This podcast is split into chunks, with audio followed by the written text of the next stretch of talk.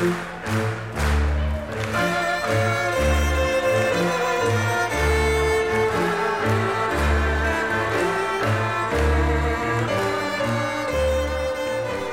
Ska vi för en gångs skull eh, hälsa de som lyssnar välkomna till våra röster Ja.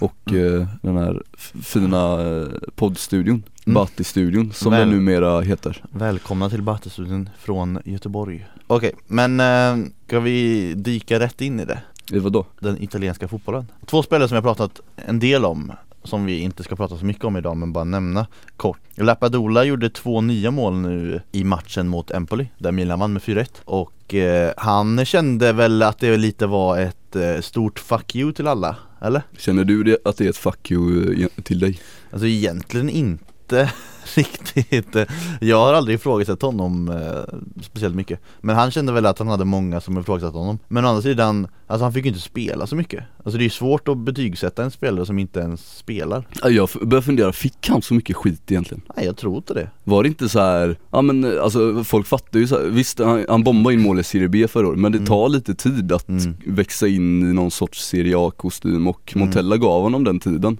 Genom lite inhopp i början och sen nu får han större ansvar mm. Sen kanske det är lite turligt i och med Backa-situationen att han faktiskt får den här speltiden Men det verkar som att Montella tycker att han ändå är redo för och Ja, han- ger honom mycket förtroende Han har ju inte gjort speciellt många matcher från start eller hoppat in heller Men han har ju ändå lyckats med tre mål nu är det väl eller? mm. På två, de två senaste va? Ja, så det, det, det går bra nu och då Backas var skadad i den matchen så han var inte med men istället för att åka med laget eh, till eh, Empoli som eh, man kanske gör så valde Backa att eh, kolla på eh, Sevillas match Han åkte till. Sevilla istället, Han åkte till Sevilla ja. Sin gamla hemstad. Ja, alltså och det där känns också som en sån typisk grej att det kan betyda, det kan betyda ingenting Men det kan också betyda ganska mycket. Det känns som att den här äh, Backa historien äh, kommer sluta med att han flyttar. Antingen i januari Förmodligen i januari tror jag nog ändå. Eller i alla fall i slutet av säsongen Han och Montella verkar ju inte dra jämnt Hela Backa till Milan grejen tyckte jag var märklig från första början Han var ju ändå en av eh, Europas hetaste anfallare Jo han fast blev då, värvad till ett ganska mediokert Milan men var inte det den sommaren som de försökte lyfta sig från det mediokra igen? Jo. Var det, var det två år sedan nu eller? Eller var det ett år? Mm, Ja, två somrar Det var väl samma år som de värvade Bertolacci och Mm. Romagnoli för ganska dyra pengar Precis Då försökte de ju på något sätt ta sig upp igen Mm. från mm. det mediokra Milan Som de varit då ett par år och så de har fortsatt vara efter det lite Förutom nu då, mm. nu går det bra ja, Nu är de heta em, eh, de har Den här Empoli-matchen då som vann med 4-1 eh, sa ju, då, eh, vet inte vem det var, en Milan-spelare? Abate kanske? Skitsamma Bati Abate Aha. Det var en, en, ehm, du måste släppa Abate nu. Nej men det var, det här, han sa att det här var typiskt en sån match som, som Milan brukade tappa poäng i eh, tidigare säsongen. Och det stämmer ju, men nu vann de alltså med 4-1 Ska vi bara nämna kring Milan också? Det är en grej som eh, vi har gått runt lite de senaste veckorna som har varit uppe på bordet, Vi- som alltid de senaste åren Och vi har pratat om det här I våras pratade men vi det är om ett tag sedan nu ja Ja det är det Medan det liksom mer och mer har blivit aktuellt här Mm. under hösten också mm. Den här jävla försäljningen av den, den här klubben, Mm. kommer den någonsin bli av eller? Nej jag tror, fast det som talar ändå för att det är, eller att det blir av, är ju att de har ju lagt in en handpenning på 100 miljoner euro eller vad fan det nu är Så de har ju ändå gått in med pengar, bara inte tillräckligt mycket Vilka är det som har gjort det? Det är ju det här uh, Sino Europe Sports heter de väl? Det är en grupp med kinesiska investerare i alla fall Oj, vad gör du? Jag har inte gjort någonting Ja det var jag Och det skulle då ha skett eh, den 13 december Om man börjar känna någon, något litet hopp som, som föddes om Ja. att eh, få slippa de här konstanta rubrikerna. Mm. Är det dags för försäljning snart Milan? Jo precis, för det här har ju varit eh, länge, länge, länge nu. Och man har ju läst så ofantligt många artiklar där det står Det här datumet blir det, augusti blir det, eller juni blir det, maj blir det. Och så blir det aldrig av bara. Exakt den här rubriken närma sig eh, försäljning för Milan Ja, precis. Och nu då så, som sagt så verkar det som att det blir eh, fördröjt igen Men den här gången, då har Berlusconi fått nog. Nu räcker det säger han. Om det fördröjs en gång till, då tar jag över skiten själv igen. Fan jag vill att det händer. Ja, vill du det? Ja, och så Ja. börjar vi om om några år när jag ska sälja igen. Ja, och det, och Så är vi i, där igen. I den här artikeln så stod det också en jävligt eh, spekulativ eh, grej Där det stod att eh, Adriano Galliani har varit väldigt deppig nu på senaste tiden för att han kommer troligtvis bli utbytt. Eh, Men nu hade han gått på något så möte, jätteglad Och då var det enligt artikeln på grund av att han vet att Berlusconi kommer Kommer liksom fortsätta och då kommer han också få fortsätta. Kändes jävligt spekulativt vilken- men eh, så kanske det är. Vilken oerhört ne- alltså, nedstämd bild jag fick upp i mitt huvud på en deppig Galliani. Jag blir bara ledsen av att få upp den bilden i huvudet. Ja.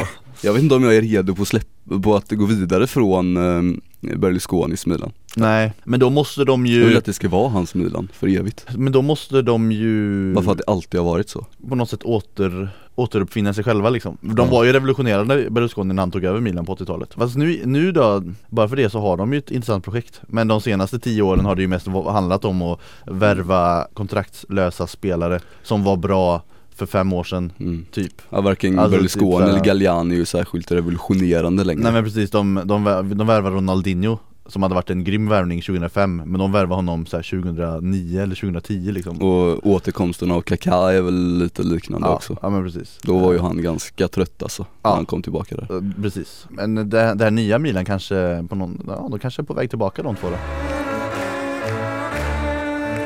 Pazzino har gjort mål igen du Uppe Jaha. i 13 mål nu, Är det sant? Mot? Bari Har de tagit sig ur sin dåliga trend nu, Ja. Verona? Han vann med 1-0 där Pazzini är enda målskytten Skönt Mm. Då har de alltså 2-9 i målskillnad på de senaste tre matcherna, eller vad är det? Ja, Men de leder ändå Serie B det gör de. Två poäng för eh, Frosinone Hur går det för Pro Vercelli? Ja du, de spelar inte förrän eh, måndag och då har vi redan Fan. spelat in det här. Ja, det Möter Martin Åslunds gamla gäng borta Salernitana. Fan, nästan så att jag ska sätta mig i fullstreama denna alltså. Ja, du bara bojk, för det är ju några, det är ju Fiorentina, Inter också. Ja, Eh, Eller Eller- Inter Fior- Fiorentina jag är kanske. lite mer sugen på den här faktiskt Känner jag spontant just nu. Pro-matchen ja. Ja,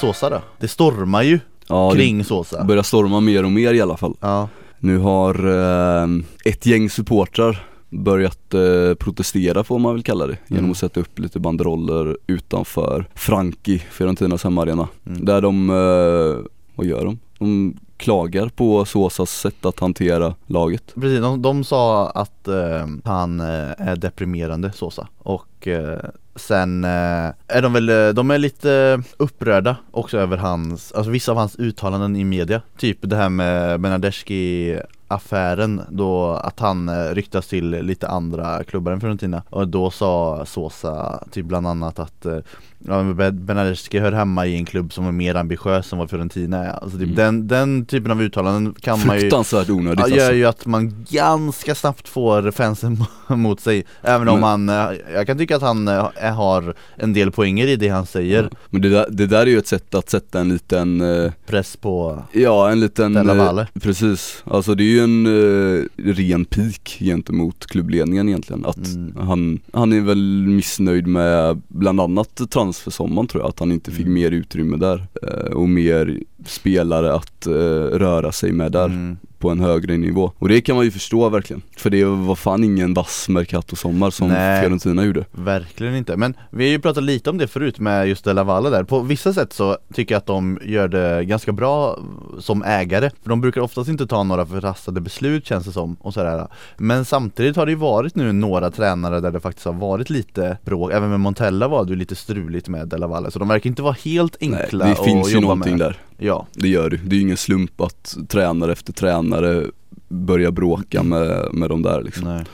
Sen kan jag också tycka att det är, Corvino är ju nu på sportchefsstolen sen i somras. Mm. Kan också tycka att det är ett jävla trött beslut att ta till, tillbaka honom alltså. Lite så eh, ändå, ja Alltså, hittar man ingen fräschare sportchef, lite mer på uppgången Corvino liksom? Man En- vet ju lite vad man får men En som skulle kunna funka eventuellt, eh, som även har ryktats till Roma är ju Empolis till exempel Det hade ju varit ett naturligt steg, eh, eh, Carli heter han väl, eh, mm. som har gjort det väldigt bra i, i Empoli det, det hade ju varit ett, ett rimligt och ett bra steg kan man ju tycka Ja, där har du ju lite framtid också. Ja men precis. Men jag, men jag tänker också att Corino, de vet lite att de kan styra honom kanske. Alltså jag, så här, det ligger någonting i det Sosa säger om att det finns någon sorts oambition. Jag vet inte riktigt vad de vill där uppe just nu. Vi- vad nej. liksom, Vart vill de att Fiorentina ska vara på väg? Men jag tycker heller inte att Sosa har eh, levererat under det senaste året, får man väl nästan säga. Mm. På det sättet som han, eh, som han vill att han ska göra Det var väldigt positiva tongångar kring honom för ett år sedan Mm. Ledde ju till och med Serie A ett tag in på hösten eh, förra året Men eh, det snackas lite namn kring ersättare där Mm. till eh, Sosa ifall han nu skulle försvinna Sarri har vi nämnt det, Men då måste jag han kan få inte tänka mig att det blir aktuellt under säsong Det tror inte jag heller, för då måste han få sparken från Napoli först också. Eller säga upp sig Mm. Jag tror inte att det händer ändå, inte under säsongen som du säger, det är svårt Nej. att se Sen var det ju eh, Pioli som nu gick till Inter då eh, Nu har det dykt upp ett nytt namn här, Klubb Brygges tränare Vad heter han då? Vi måste, tvingar du mig? Jag Ja det är säga. exakt vad jag är Michel Prudhomme skulle jag säga Michel Prudhomme. Det var ändå ganska bra ju Berätta vad man är Han är en gammal målis Ja. Belgisk målis Precis, Mm. Eh, stod i mål för um, Standard Liège, Mechelen tror jag man uttalar dem, Mm. också ett belgiskt gäng och Benfica, tre klubbar representerade han under sin karriär, gjorde många matcher för all, allihop Mm. Benfica stannade han kvar i efter sina fem år där som uh, målis Som eh, någon sorts sportchef, i alla Mm. fall ganska stor roll där i ledningen liksom, i den Mm. sportsliga ledningen i Benfica Och det var han som tog Mourinho till Benfica också Mm. och lyfte upp honom som huvudtränare Det var hans första huvudtränarjobb, Mourinho. Men Mourinho, redan då hade han ju hybris, Mourinho. Han visste att han var, eh, hade mycket i sig redan då, verkar det som. Han gjorde det ganska bra under den hösten han var där. Mm. 90, nej 2000 var det. Det var alltså Mourinhos första jobb som eh, huvudtränare? Ja han hade ju varit i eh, Barcelona bland annat innan Mm. som assist, eller ja, någon sorts assisterande slash tolk typ. Mm. Till eh, både Bob Robson och van Gaal eller? Mm, mm. Så hade Prudhomme Mhm. Snyggt, eller? Ja det var snyggt faktiskt Han hade i alla fall varit där i Barcelona och träffat honom på något sorts besök mm. och eh, blivit imponerad av det han hört och sett av Mourinho där då. Så när det blev aktuellt fyra matcher in i, eh, eller fyra veckor in i Benficas säsong 2000 så eh, behövdes det en ny huvudtränare och han eh, kallade upp Mourinho från eh, den assisterande posten som han hade tillträtt under sommaren där. Han gjorde det ganska bra Mourinho, men när det började vankas jul tror jag det var, runt jul, så blev det nytt presidentval där i Benfica och den nya presidenten ville ha en annan tränare. Samtidigt så ville han inte riktigt skicka ut Mourinho eftersom han hade gjort det bra och slagit rivalen Sporting med 3-0 ganska nyligen. Mm. Så han ville liksom inte putta ut Mourinho från eh, den där stolen utan han ville kanske låta honom göra bort sig lite innan han kastade ut honom. Men eh, den, den gubben gick inte med Mourinho. Men visst, nu gick det bra för Mourinho ändå Men det här har vi pratat lite om Alltså assisterande tränare som helt plötsligt får roll som huvudtränare och då spelar det ingen roll om det är för en match de har varit huvudtränare Då är det helt otänkbart att gå tillbaka till eh, en assisterande tränarroll Nej, då går det inte. Då tar de hellre någon, någon eh, klubb i Serie C2 än att stanna kvar i Lazio som, eh, eller i Benfica då som Mourinhos fall För han eh, vägrade ju Så han begärde ett nytt kontrakt istället. För att han ville, att, ville ha någon sorts försäkran Men han gjorde de det vid, en, eh, vid ett bra tillfälle också, han är ju taktisk Mourinho ändå Ja han hade ju precis slagit Sporting då Mm. och utnyttjade det Men ledningen de ville inte, eller jag vet inte om Prudhomme hade något med det att göra i och för sig Nej. Det var nog mest den nya presidenten som inte Mm. ville, ville förlänga Mourinhos kontrakt Tyckte väl att han var lite för oerfaren vilket man kan förstå då Att ge honom ett långtidskontrakt liksom men Mm. Det är ju ganska kul också att Mourinho sen gick och, han, han avgick då helt enkelt. Mm. Sen tog han väl Leira tror jag det var han emell- var emellan Innan han gick vidare till Porto och vann hela Skiten. faderullan. Ja, Tycker det är gött att det inte lönade sig Utan snarare tvärtom. Ett riktigt stort fuck you till eh, presidenten då. Svensk svep. Mm. Kör. Det går inte så jävla bra nu för eh, svenskarna alltså. Nej. Hiljemark var bänkad nu i helgen Mm. mot Lazio. Mm. Och fick inte hoppa in. Det har ju gått knackigt för honom i Det höst. har ju det och hela Palermo ska väl sägas Men eh, Samparini är inte nöjd med Hiljemark Nej, Aj aj aj och inte De Cherby heller. Nej. Får ju se om De Cherby fortsätter här nu. De torskar alltså sin sjunde raka match i helgen. Och jag tror att det är rekord alltså. Till och med för Palermo Ja. så är det ett rekord Jag tror det var sex matcher de hade torskat i rad innan. eh, Ofta så får ju tränaren sparken efter den sjätte matchen. mm. Eller kanske fjärde eller sjätte, femte matchen snarare. Spekuleras i att eh, han kommer plocka tillbaka Ballardini igen Ja, sånt jävla nytänk kring Sjukt. Samparini. Han fick alltså sparken förra året Sen blev han återanställd i slutet på säsongen Sen fick han sparken efter två omgångar i, i årets Serie A Och nu är han på väg tillbaka eventuellt Vad är det som gör att de går med på det här de här tränarna? Har de liksom inget annat val? Eller för det känns som att det blir något, det är ju förnedrande Mm. för dem och hela tiden få sparken Oerhört. och sen, och så tänker jag också Samparini, om han då sparkar en tränare så är det väl för att han ser att det här funkar inte med den här tränaren Men sen så plockar han tillbaka den ändå Mm. Vilket är bara väldigt eh, konstigt agerat Han tror att Ballardini har förändrats som person och tränare under de här, vad blir det, tre månaderna ungefär Ja, Quaison i samma match fick en eh, halvlek, hoppade in istället för Diamante i paus Uträttade inte särskilt mycket vad jag kunde se Palermo är fan usla alltså, ska Jo. man ha klart för sig Det är en öppen dörr jag sparkar in här nu men Mm. eh, det ska ju sparkas in också Ja. För helvete vad dåliga de, de faktiskt. är riktigt usla det, det finns ingenting i deras spel, Nej. Ingenting finns. Ingen Alessami finns, han var bra mot Lazio. Ja, eh, Kraft då?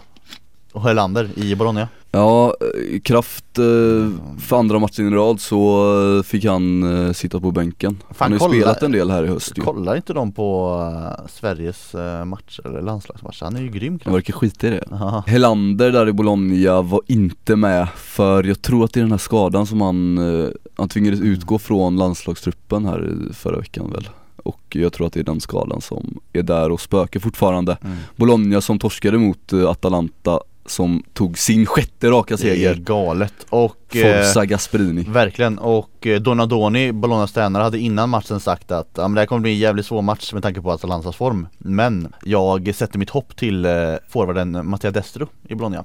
Hur gick det för Destro då? Ja sådär, 5,8 fick han eh, Uträttade inte jättemycket heller. Vem fick han 5 av 8 av? Whoscored.com Okej.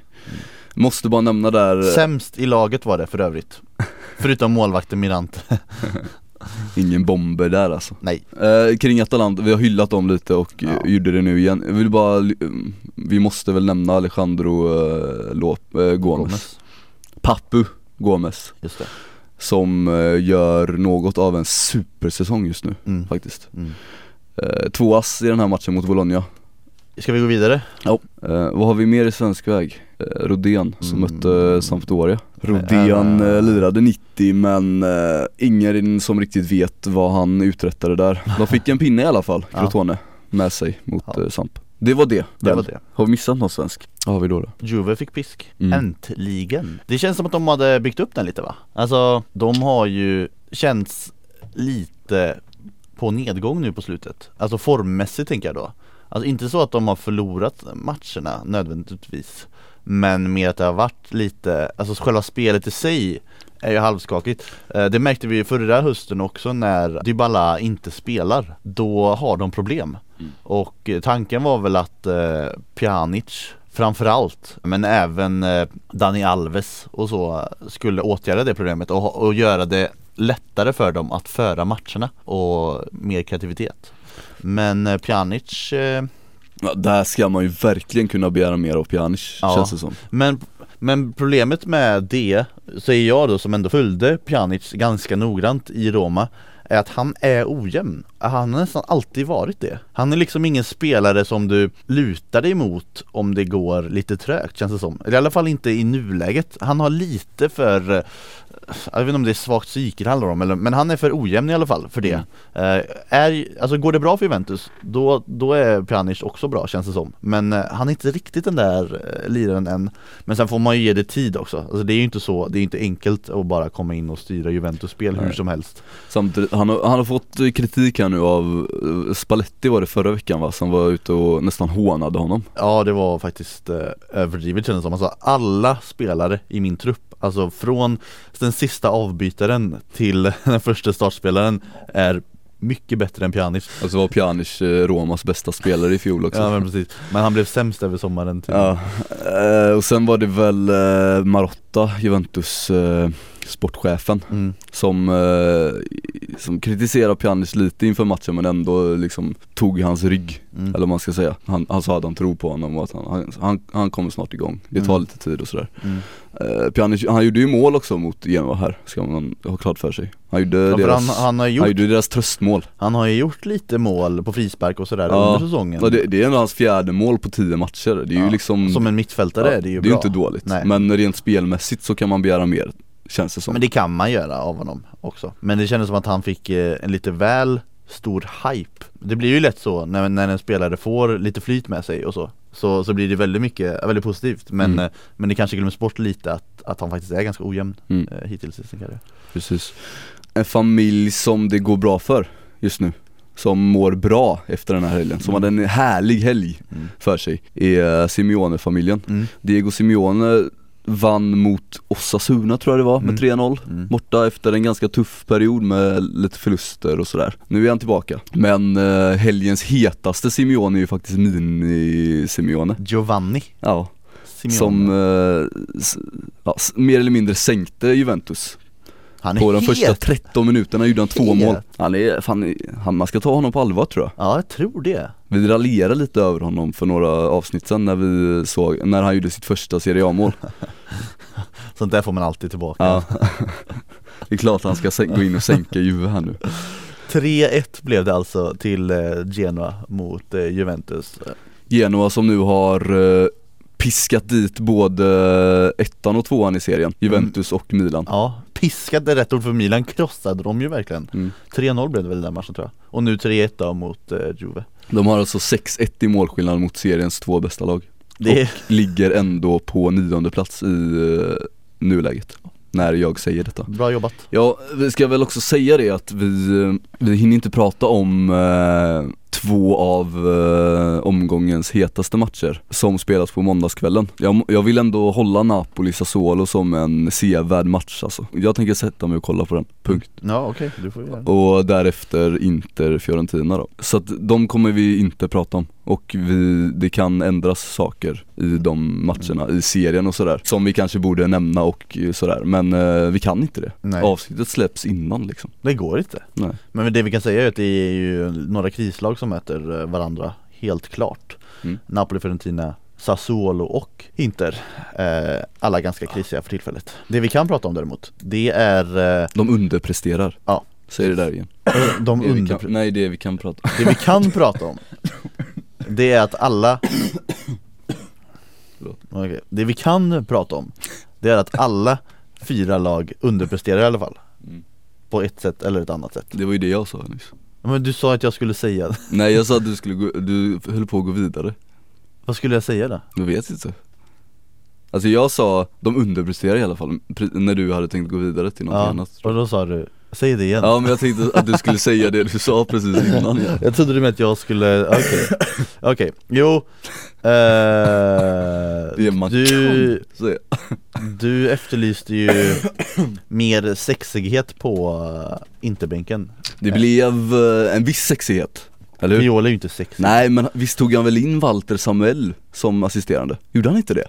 Han tog väl med sig sin vanliga gosse som jag inte vet vad han Ja. heter, den här anonyme snubben Som han haft med sig sen Palermo eller vad fan det är Ja, Men jag det. tror han satte in Ja. i Walter också Jo men det, det gjorde han, ja det, det är helt rätt Jag vet inte om det var han, det kanske var ledningen Visst har han en sexig pondus i alla fall. Walter? Ja. Ja. jo men det kan man väl säga att han har han, han har också lite av en yrkeskriminell pondus Men det finns ju något sexigt i det också ja precis Någon som är sexig på ett helt annat sätt Är den här snubben som du tänker prata om nu Mm, kort bara Gianfranco Sola, han är sexig Mm. Både namnmässigt, spelarmässigt och utseendemässigt L- Luggmässigt Ja En sexig lugg har han Han eh, har eh, nu blivit eh, assisterande till Conte. Eh, Fast jag skulle däremot inte säga att jag tycker att eh, Chelseas tränarbänk behöver liksom mer sexighet om man säger så då. Conte står ju för själv ganska mycket i och med hans ungdomliga relativt i alla fall utseende med hans nya hår. Eller nytt hår är det inte nu längre men hans hår och grejer.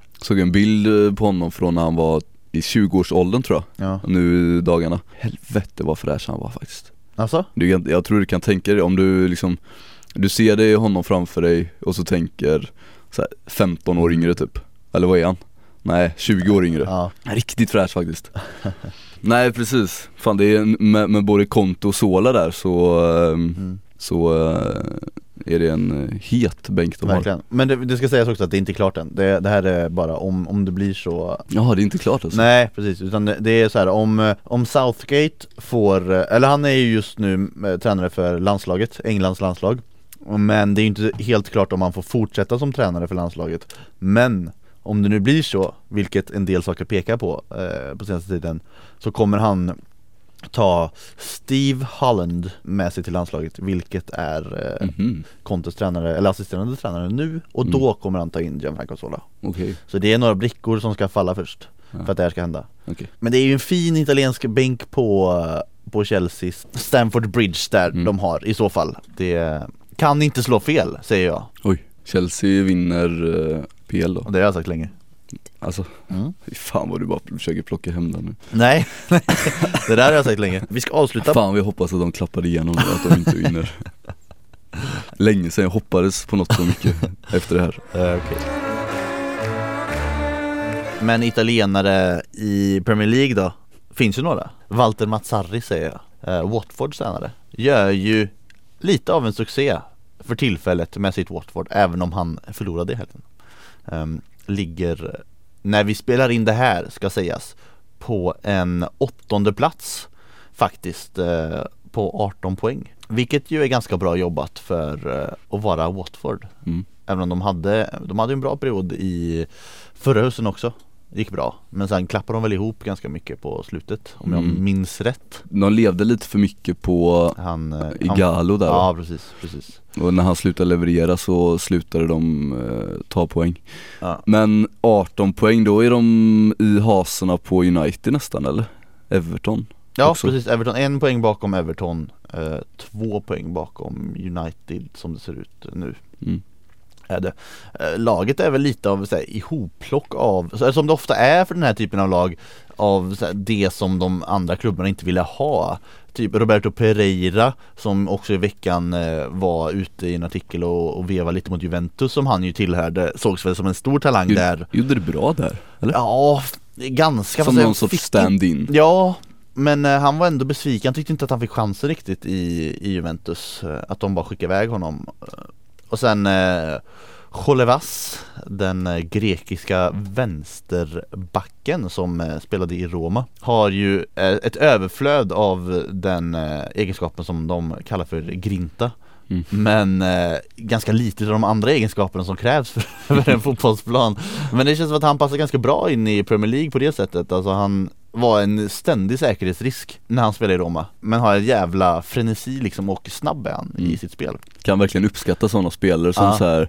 Va, va, vad har han då? Han har, han har grinta, det är det liksom Ja men precis, Gattuso eller? ja men Det är verkligen väl sinnebilden Ja, av den spelaren Precis, sen eh, Miguel eh, Britos som eh, var eh, gammal Napoli-back ju Exakt, även Suniga, också gammal eh, Mazzarri-adept i Napoli. Valon Berami, han har bara plockat Han gamla med sig de här grabbarna alltså. Gamla, ja och gemensamt för alla de här är att de är liksom ja, 30 31, 32, det är inga ungtuppar han plockar med sig direkt. Men som sagt gör det ju bra nu i, i Premier League. Lite av en, eh, jag ska inte säga för mycket nu kanske men eh, men eh, personlig revansch för Mazzari själv Efter Mm. hans debacle i Inter som han inte riktigt verkar ha släppt ännu Det ska han aldrig göra. Nej, nej, nej precis känns det inte som att Inter som klubb har eh, sabbat så jävla mycket för eh, många tränare under de senaste åren? Jag tänker Gasperini är fortfarande arg också över Inter-grejen, Mazzarri, vilka har de mer då som har varit där? Om den och- här unge Stramaccioni Ja, ju, Nu gör väl han det ganska, är han kvar borta i Grekland eller? Jag för mig han gjorde det ganska bra där De Boer Benitez. Även om det inte ruckade så mycket på hans rykte. Nej, men, men jag tänker framförallt med de här så eh, tränare som på något sätt ändå är i en uppåtgående kurva Som Mats Sarri då Mm. och eh, Gasperini Um, Som- som det inte- bor också, eh, som inte var då i, när de Mm. liksom tog över den här klubben var det ju ett snäpp uppåt Men så bara gick allting åt helvete och, och de kan inte släppa det här och är fortfarande arga på inte Men då är det, men det är också kul att eh, både Mazzarri och eh, Gasperini nu under den här hösten gör succé eh, i någon form ändå med Mm. sina lag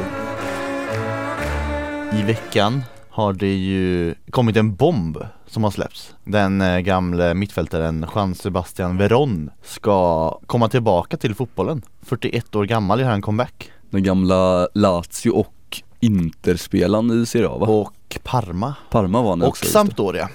Se där ja. Han var ju sportchef, nej han var ordförande i Estudiantes. Och nu blir han alltså spelare. Men det är lite oklart varför han vill det egentligen. Eller, eller om, han, om han bara kände att nej men nu, nu räcker det, nu kommer jag tillbaka.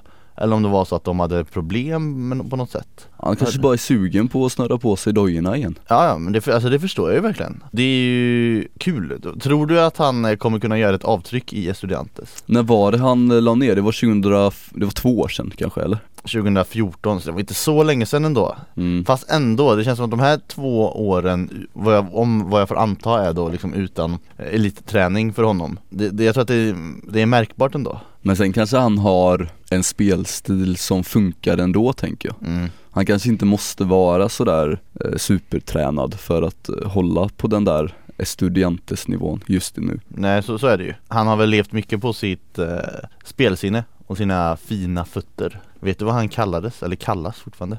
Hans smeknamn? Mm, nej, Den lilla häxan Det är väl ett ganska skönt smeknamn kan jag tycka var kommer det ifrån? Jag vet inte, hans spelstil, han är som en liten häxa på mittfältet Jag Ja. vet inte, jag vet faktiskt inte Eh, La Brujita tror jag man säger Fint. Fan han har varit runt i Italien alltså Var ju även i England United och United. Chelsea. Ja, var väl världens dyraste spelare ett tag När han köpte sig United Var han det alltså? Eller en utav dem kanske Ja. Han kanske inte var världens dyraste men han var ju väldigt, väldigt dyr Ett riktigt prestigeköp av eh, Sir Alex som aldrig, som aldrig blev någonting Gick den flytten efter Lazios scudetto eller? 2001 Ja okej, det, 2001 vann eh, Roma då var det ett år efter Lazio Ja där, precis med Svennis vid eh, Exakt, exakt rodret. Han har även vunnit eh, Serie A med Inter. Han var ju där på lån väl, tror jag, från United. Chelsea vann väl på lån från Ja, från Chelsea var det då kanske. Ja. 2005-2006 vann han i alla fall med eh, Inter där. Det var ju en kille man gillade Veron ändå Ja,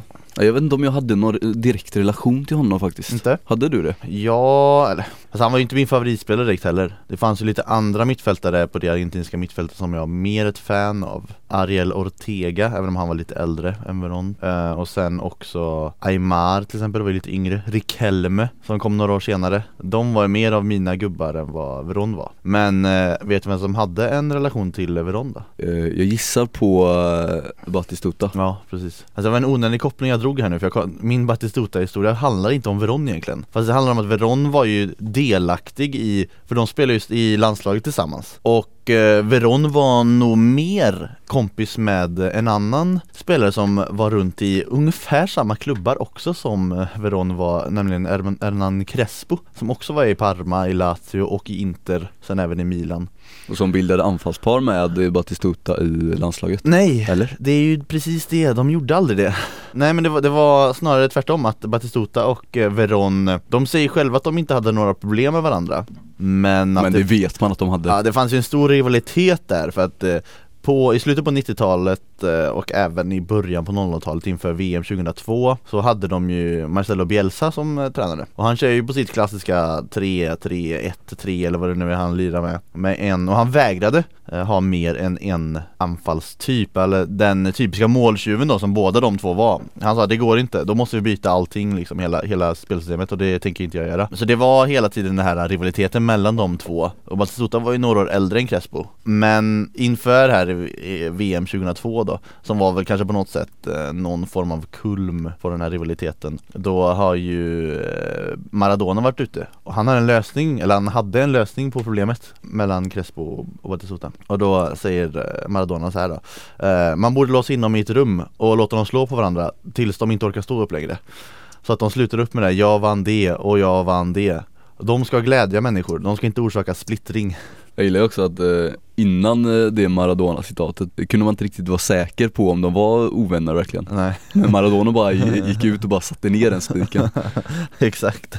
Men Batistuta fick ju under, eh, alltså under VM 98 har vi pratat lite om. Det var då de bland annat slog England på straffar. Då var ju Batistuta Argentinas main man Och Crespo tror jag gjorde bara något kort inhopp i den turneringen. Jag tror till och med att han brände en straff mot Nederländerna. Och sen även under VM 2002 så var det samma sak. Då hade Crespo gjort eh, flest mål tror jag i det sydamerikanska kvalet Om det var nio mål. Medan Batistuta bara hade gjort eh, fem mål Fast då hade han också bara spelat fem matcher. Men vi vet ju att Batistuta var, han var ju på nedgång då 2002 Nej det var, gick ju snabbt för honom där. Men Bielsa valde att köra på med Batistuta under VM 2002 Han eh, startade varenda match och Crespo hoppade in i varenda match. Kan vi inte säga att det blev någon speciellt lyckad eh, turnering för någon av dem? De åkte ju ut i gruppen. Då, då, Det verkar finnas lite grupperingar i landslaget under den här VM 2002-truppen Och då sa han att eh, Crespo då eh, hänger med Claudio Lopez, eh, Veron och eh, Simeone. Medan Batti sitter och äter och pratar med eh, Chamot och Bonano 60-talsgenerationen, jag vet inte ens vilka de två är. Crespo var nog lite mer ungdomlig än eh, Batistuta redan då. Ja, ja men det känns det. Det skiljer sex år mellan, eh, tror jag, mellan de två. Redan där började han längta hem till eh, pappalivet De, eh, där eh, Batistuta, eh, Chamot och Bonano snackade ju bara om så här farsa grejer Bästa grillen och hur man gör en lyckad renovering av garaget typ eller något sånt där? Snickar ihop en altan och sådana grejer Många sådana pappiga samtalsämnen vid det bordet. Men man får säga också att Crespo då hade ju eh, lite av en uppförsbacke med tanke på att det var ju Bielsa som eh, var med och, tog fram Batistuta, tog upp honom i Newells Old Boys. Så de hade ju en ganska lång relation med varandra, Bielsa och Batistuta. Mm. Ja, trevligt. Jag tycker bara vi måste betona en sak vad gäller Veron som Mm. jag tycker är rolig Mm, mm. med, eh, med hans, eh, vad ska man säga, resa i Europa som Mm, han gjorde mm. mellan olika klubbar Det var ju faktiskt Svennis som tog honom till Europa, från Boca Mm. Juniors till Sampdoria då Mm. Och sen så köpte han ju honom en gång till, till Lazio till sitt eh, scudetto-vinnande Lazio. Mm. Han blev ju någon sorts eh, tunga på den vågen, säger man så eller? Ja, När de eh, faktiskt tog, tog titeln 99-00. Då hade han precis kommit, sommaren innan där. Eh, så en, la- en Svennis-favorit, Veron. ja, Vilket eh, jag tycker är, fan jag, det är nästan så att eh, jag höjer Svennis ännu mer. Alltså att jag får mer respekt för Svennis i och med det här. för att han gillade Veron menar Ja? Precis. Varför då? Han visste att han skulle kunna bygga saker runt en spelare som Veron. Mm. Mm. Och bara att han visste det och liksom kände det Mm. tidigt redan i Samp säkert. Så uh, känner jag aktning för uh, den gode Sven-Göran. Ja, nej men det, det är väl helt rimligt ändå Men fan han hade ett, eh, en jävla känsla för att hitta vinnare alltså. mm. Ja och, och att eh, sätta dem högt upp på höga stolar. Mm.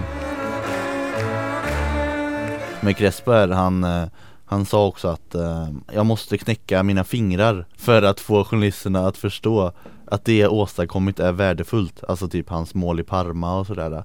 Att det inte skulle räknas lika högt som ba- Batistutas eh, bedrifter då Eh, för, för Crespo var ju på den tiden en eh, riktigt målfarlig anfallare han också Ja. Men han tyckte inte att det, eller att det inte räknades då lika, Men, lika mycket Men jag fattar inte däremot varför han ska knäcka sina fingrar nej, men knäcker han fingrarna då jävlar då kommer det, kommer det verkligen räknas. Ja, men han kommer till presskonferens så här helt bandagerad, vad har du gjort där innan? Nej men jag knäckte mina fingrar för att ni ska förstå att mina Jaha okej, psycho.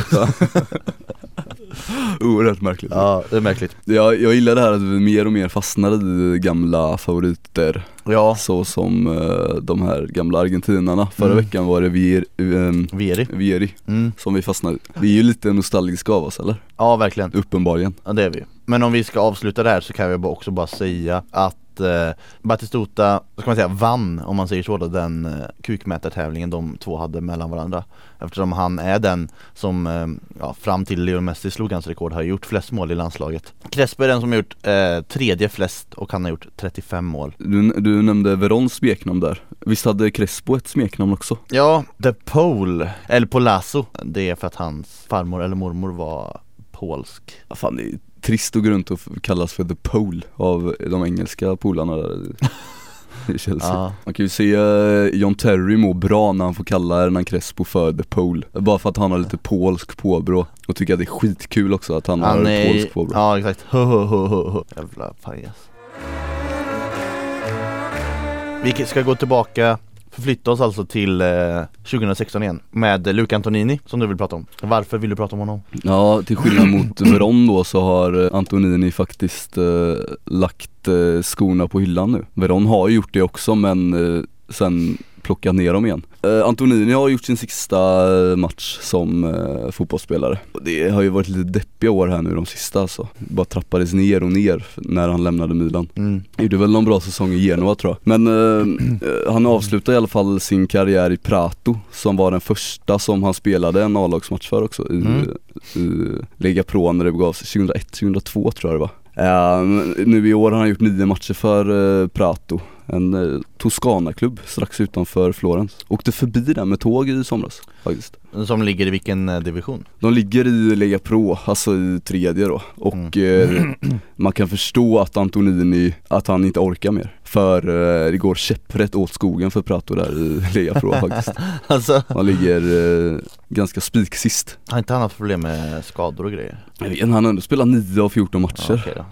När jag bara, om jag bara slänger fram namnet Luca Antonini för dig och så får jag låta dig associera och, och känna kring det Vad dyker upp i skallen? Ja men så här.